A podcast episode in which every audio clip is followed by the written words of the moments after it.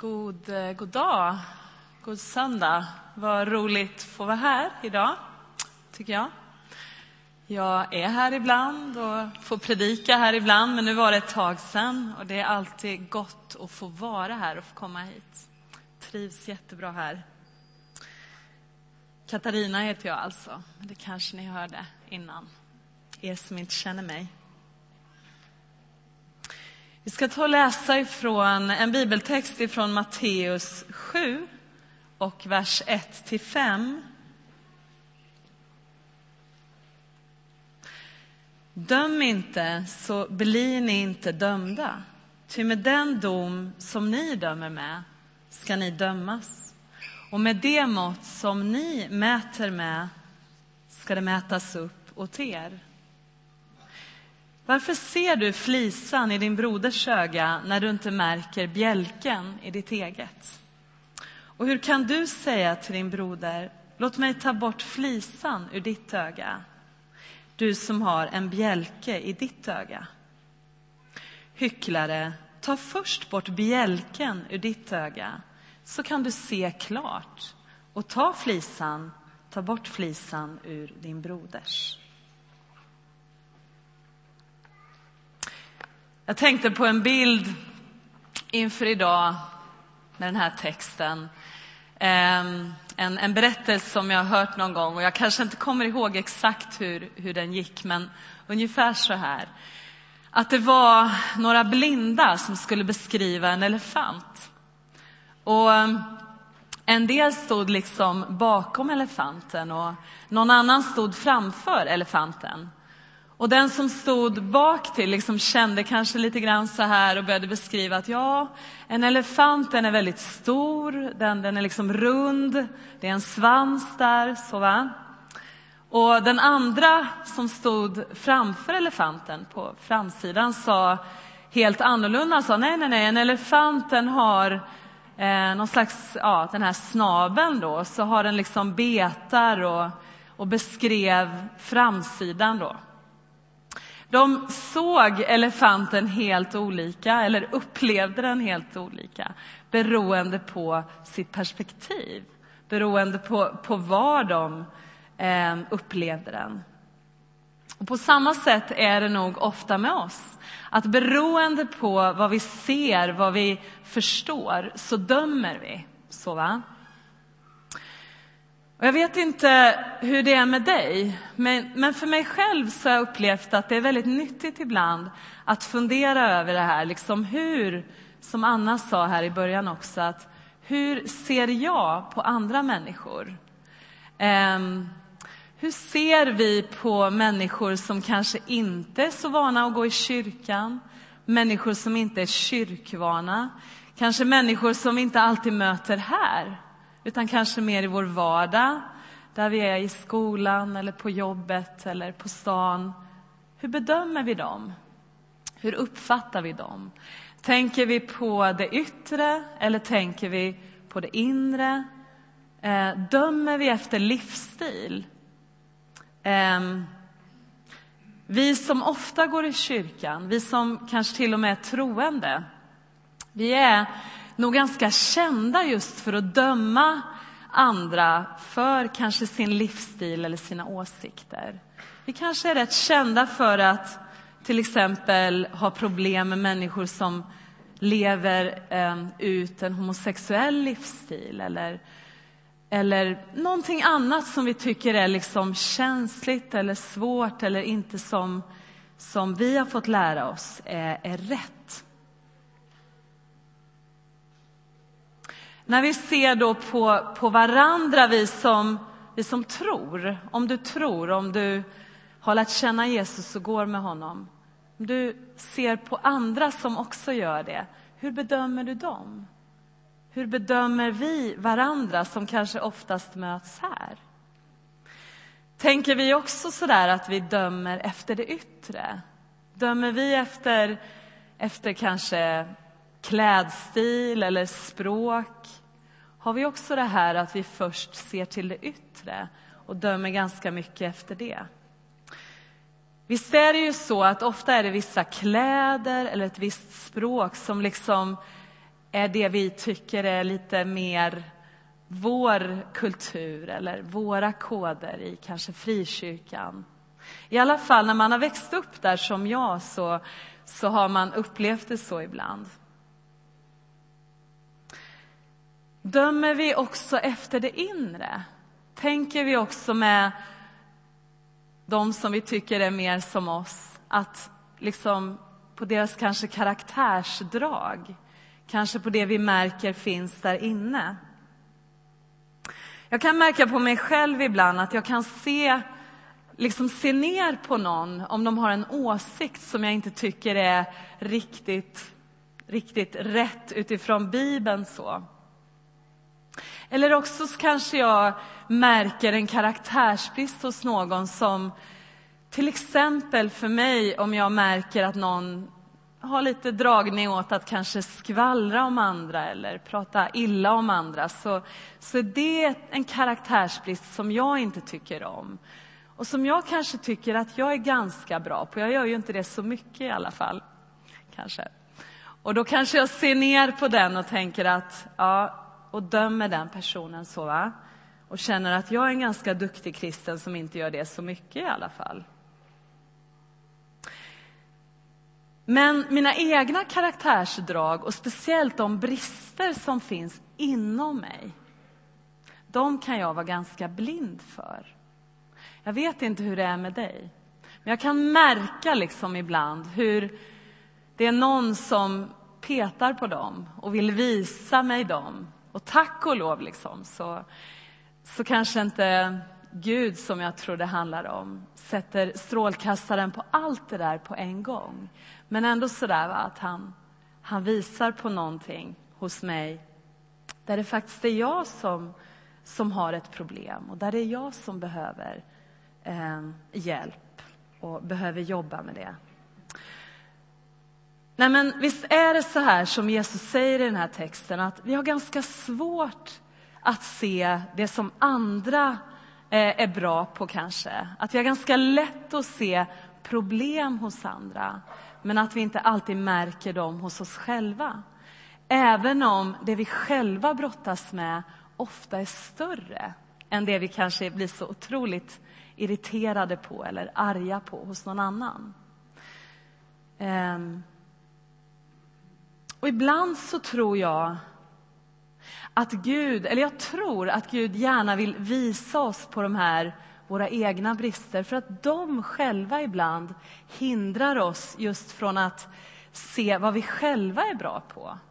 Hindrar oss från att kanske blomma ut i det som, som Gud har tänkt att vi ska utvecklas i och, och bli bättre på. Um, för att det är ju när vi blommar ut det är när vi är oss själva och, och Gud får använda oss som han har tänkt, som han blir ärad. Ibland så kommer det den här falska liksom, skulden också, eller den här jantelagen som är så vanlig i Sverige, där vi känner att, att vi inte ska märkas och inte synas. Men det är ju inte det som är ett problem egentligen. Inte när vi gör det därför att det är Gud som gör något genom oss så där som Gud vill. Det är inte en, en, en bjälke, utan det Gud vill är att ta bort vår bjälke så att vi får upptäcka det han har lagt ner i oss och får blomma ut i det. Men just att han vill att vi kanske ser mer på oss själva än på andra. I den här texten som jag läste, eller som vi läste, så ser vi liksom hur Jesus avslöjar oss. Att när vi dömer andra så gör vi ofta det med en obalans. Att vi har den här blindheten för hur vi själva har det. Men just när vi dömer andra för deras brist, då visar ju det i sig själv på en dömande attityd hos oss, på en kärlekslöshet, på någonting som faktiskt är kanske värre än, än det där vi dömer. Det där att vi går runt och ser ner på andra och har den där kritiska blicken.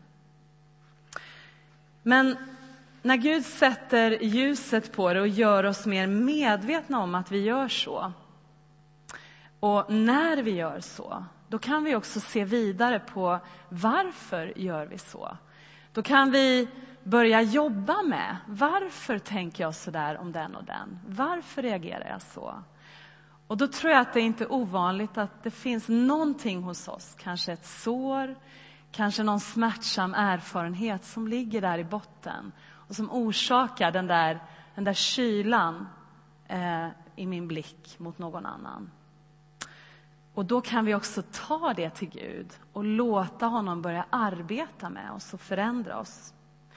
Jag har till exempel själv märkt att, att ibland så kan jag känna en viss, viss avundsjuka mot när en annan kvinna får göra någonting ehm, för Gud, får, får tjäna på något sätt som jag själv känner att jag skulle vilja göra. Jag har märkt det ibland och när jag upplevde det rätt nyligen så hade jag precis fått undervisning om, eh, om det här som gjorde att jag tänkte till. Och då tänkte jag just att varför känner jag så? Varför, varför blir det så där att den där avundsjukan, att jag känner det där inom mig? Och så kunde jag liksom kanske bjuda in Gud, bjuda in den helige Ande, fråga honom och be, be honom om hjälp. Bjuda in honom i det, där, i det där såret inom mig som har gjort att den där attityden har kunnat uppstå. Och då kunde jag liksom uppleva att jag kunde böja mig istället och börja glädja mig över det som min, min syster fick göra och låta den här avundsjukan och den här liksom rivaliteten ge vika.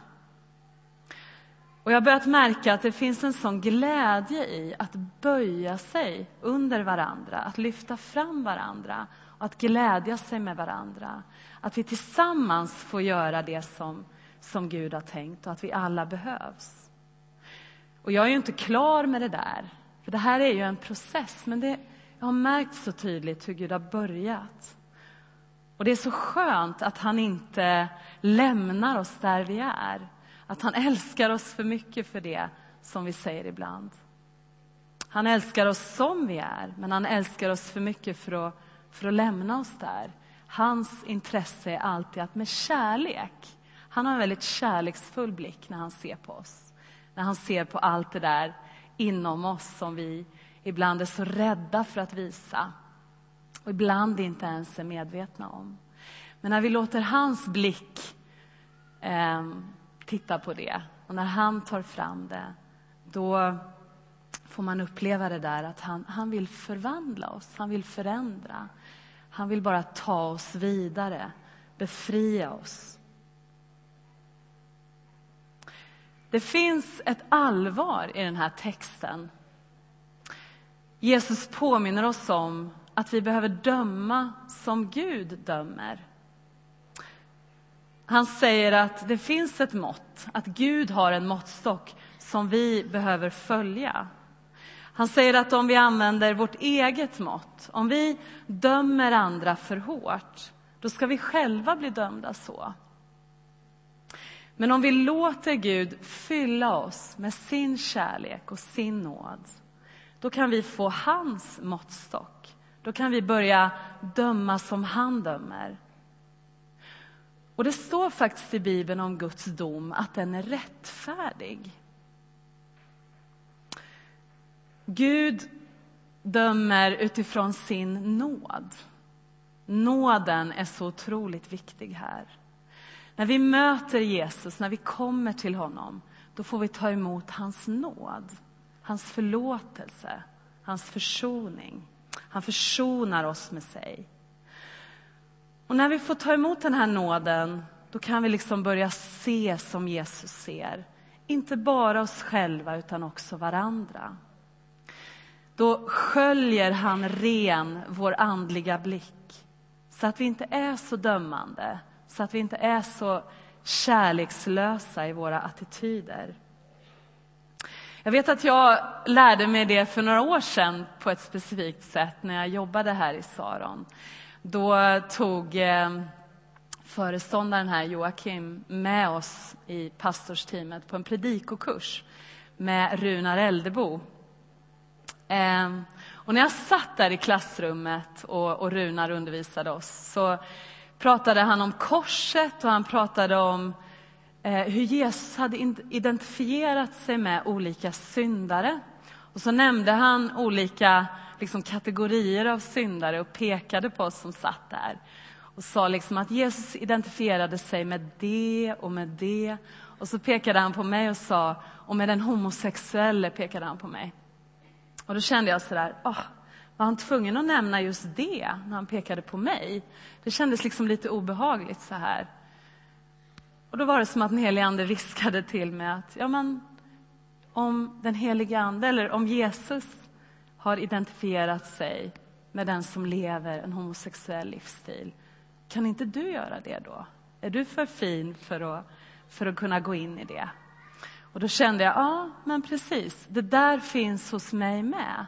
En del saker kanske jag tycker att jag är duktig på att inte döma. Men, men här hade jag en dömande attityd som Gud behövde gå till rätta med. Och jag vet att jag liksom har fått uppleva under den tiden faktiskt jag, jag jobbade här hur, hur Gud visade mig på någon slags fariseisk attityd hos mig gång på gång. Av att liksom ha växt upp i frikyrkan och fått lära mig mycket det här, tror jag, att döma människor efter det yttre och efter livsstil. Um, och jag liksom fick ja, bli kanske, han, han, tog tag i det och förändrade det hos mig. Um, på ett tydligt sätt. Jag tror att det kan finnas nästan som en... Mm, en, en eh, någonting som nästan förblindar oss faktiskt ibland i frikyrkan. Eh, det har i alla fall varit så. Det har förändrats en del idag, tack och lov. Men där vi liksom har varit fast i det här att bedöma efter det yttre oavsett hur det ser ut i hjärtat. Det Jesus vill att vi gör, det han talar om i den här texten, det är att gå till det inre, till hjärtat. Och han varnar oss för att döma efter det yttre. Han varnar oss för att bara se med våra, våra vanliga ögon och döma efter det. För han ser hur det ser ut eh, inuti, både hos, både hos andra och hos, hos, hos eh, oss själva. Mm. Men jag tror att ju mer vi får del av hans nåd och kärlek, ju mer kan vi ge det vidare. Tänker på när den här kvinnan i evangelierna kom till Jesus och tvättade hans fötter, står det om. Och hur Ehm, Jesus sa ungefär att hon har blivit förlåten mycket och därför visar hon stor kärlek. Och jag tror att det är samma för oss, att ju mer vi upplever som sagt den här nåden och förlåtelsen och kärleken från Gud, ju mer kan vi också förlösa det till andra. Både till oss själva och till andra. Ibland så, så hör vi det här, att Gud älskar oss. Och du kanske finns här som har hört det mycket, att Gud älskar dig. Att det är någonting du, du liksom vet med ditt förnuft. Du har, har fått lära dig att det är så. Men du kanske inte känner dig älskad av Gud. Det kan vara en ganska stor skillnad. Och Jag tror att det kan bero på att det här är ingenting som vi kan liksom åstadkomma i oss själva. Det är sant att Gud älskar oss. Men på grund av våra, liksom, våra omständigheter eller vår bakgrund så kan vi ha svårt att ta det till oss. Och om du känner så, jag tror att det kanske finns någon eller några här om du känner så idag så tror jag att Gud vill, vill liksom faktiskt eh, befria dig eller lösa dig till att få känna dig älskad av honom. Eh, så var öppen för det idag. Ta emot det.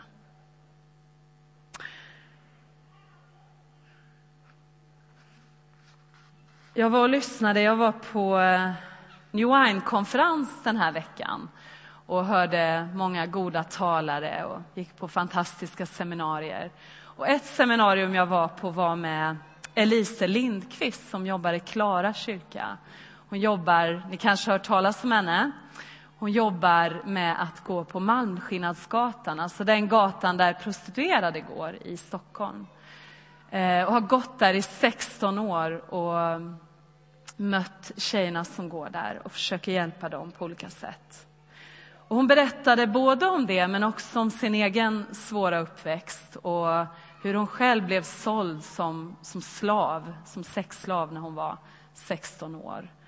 Ehm, och hur det tog många, många år innan, innan Jesus fick, fick tag på henne eller innan hon mötte Jesus. Och hur hon verkligen har blivit upprättad. Och hon läste ett bibelord. Hon läste Ordspråksboken 31 och 8. Och I det ordet så står det faktiskt eh, att vi ska öppna vår mun för att döma rättfärdigt, står det. För att tala för den förtryckte och fattige. Alltså, det finns en rättfärdigdom. Eh, det är inte bara så att vi inte ska döma. Vi ska inte döma eh, fariseiskt. Vi ska inte döma orättfärdigt. Eh, men, men vi ska liksom döma som Gud. Döma kärleksfullt, nådefullt, men också rättfärdigt. Och hur gör vi det? Jo, i den där bibelversen står det då att vi gör det genom att tala för dem som inte liksom kan tala för sig själva. Eller att hjälpa dem som har det svårt på olika sätt. Det finns en rättfärdig dom och det är att stå upp för de små, att hjälpa dem. Och när jag lyssnade på henne då tänkte jag sådär att det, det kan kännas lite överväldigande. Att hur gör man det? Hur, hur går man vidare till att faktiskt döma rättfärdigt genom att hjälpa dem som är små, som har det svårt? Men Elise och även Nils, som, också är, eller som är en av prästerna i Klara, de, de gav exempel på hur man kan börja med något litet. De pratade om att eh, inte bara gå förbi den som kanske tigger på gatan eller den man möter som, alltså sin broder som lider nöd på något sätt. Utan att kanske ändå vara öppen för att kunna ge vidare på något sätt den där kärleken eller medkänslan man kan känna. Att göra det genom att Kanske så enkelt som att le mot någon och, och att den människan får känna sig sedd. Men Elise sa också det att hon brukar alltid, eller ofta, eh, gå iväg och kanske köpa en banan eller en mjuk smörgås. För många har inte så bra tänder och har svårt att tugga. Och så brukar hon gå tillbaka och, och ge den här bananen eller mackan och säga att Jesus älskar dig. Och, Kanske till och med böja sig ner och, och ge personen en kram. Det är inte så svårt som hon sa. Man vågar, man kan, därför att Gud har lagt ner kärlek i vårt hjärtan när vi tar emot honom. Och den där kärleken kan vi ge vidare. Och att det är att döma som Gud dömer. Det finns en rättfärdig dom. Men jag tror också att det här att döma rätt, komma tillbaka till det, att det, det handlar om att se oss själva som Gud ser oss.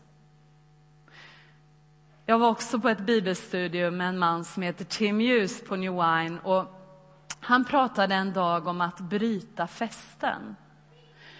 Han pratade om att det kan finnas områden i våra liv som är som fästen. Som är som en befäst stad. Alltså någonting som vi inte tycker om, om vi är medvetna om det ens. Men om vi är medvetna om det, någonting som vi kanske gör gång på gång eller som vi inte tycker om hos oss själva, som vi kämpar för att bli av med eller kämpar för att bli fria ifrån, men det går inte. Det går inte med bara önsketänkande. Det går inte i vår egen kraft. Att då är det som ett sånt här fäste. Det är någonting som behöver faktiskt brytas ner. Och när man hör en sån där predikan då börjar man ju direkt igen att tänka på alla andras problem. Eh, man kanske gör som jag, att man tänker att ja, min man han har nog något sånt där fäste i sitt liv som behöver brytas ner. Och så kanske man tänker på sina barn eller sina vänner. Förlåt Juan, Juan heter min man. Eh, men, men liksom direkt igen då så vänder Gud strålkastaren mot en själv. Och så börjar han liksom prata om ens egna fästen, det han vill göra i ens eget liv. Återigen det där att inte se flisan i min broders öga utan bjälken i mitt eget. Och det hände Tim också, den här pastorn. Han var iväg någonstans för att få förbön och få, få lite själavård. Och just för att han upplevde att hans församling, ja, det var ganska jobbigt där, hade varit. Och en del var ganska jobbiga där. Och de som bad med honom, de sa det att ja, jo, det är några som är rätt jobbiga där och, och gör det svårt för dig. Men det är faktiskt så att det finns områden i ditt liv där du behöver hjälp. Det finns fästen i ditt liv. Och Paulus talar om det här Ehm, i Andra Korinthierbrevet 10. Jag tänkte faktiskt läsa de verserna också för er, eller med er. Ehm, I Andra Korinthierbrevet 10, vers 3-5 står det så här. Jag lever i världen, men strider inte med världsliga vapen. Ty det vapen jag brukar i min kamp hör inte denna världen till, utan får kraft av Gud att bryta ner starka fästen. Jag bryter ner tankebyggnader och allt som trotsigt reser sig mot kunskapen om Gud. Gör varje tanke till en lydig fånge hos Kristus och är beredd att straffa all olydnad så, så snart er lydnad har blivit fullständig. Alltså Paulus talar just om såna här fästen eller tankebyggnader, säger han. Någonting inom oss som behöver brytas ner. Eh, men Paulus säger också att det går. Han säger att det går med Guds hjälp. Det är någonting vi kan göra med Guds hjälp. Och ehm,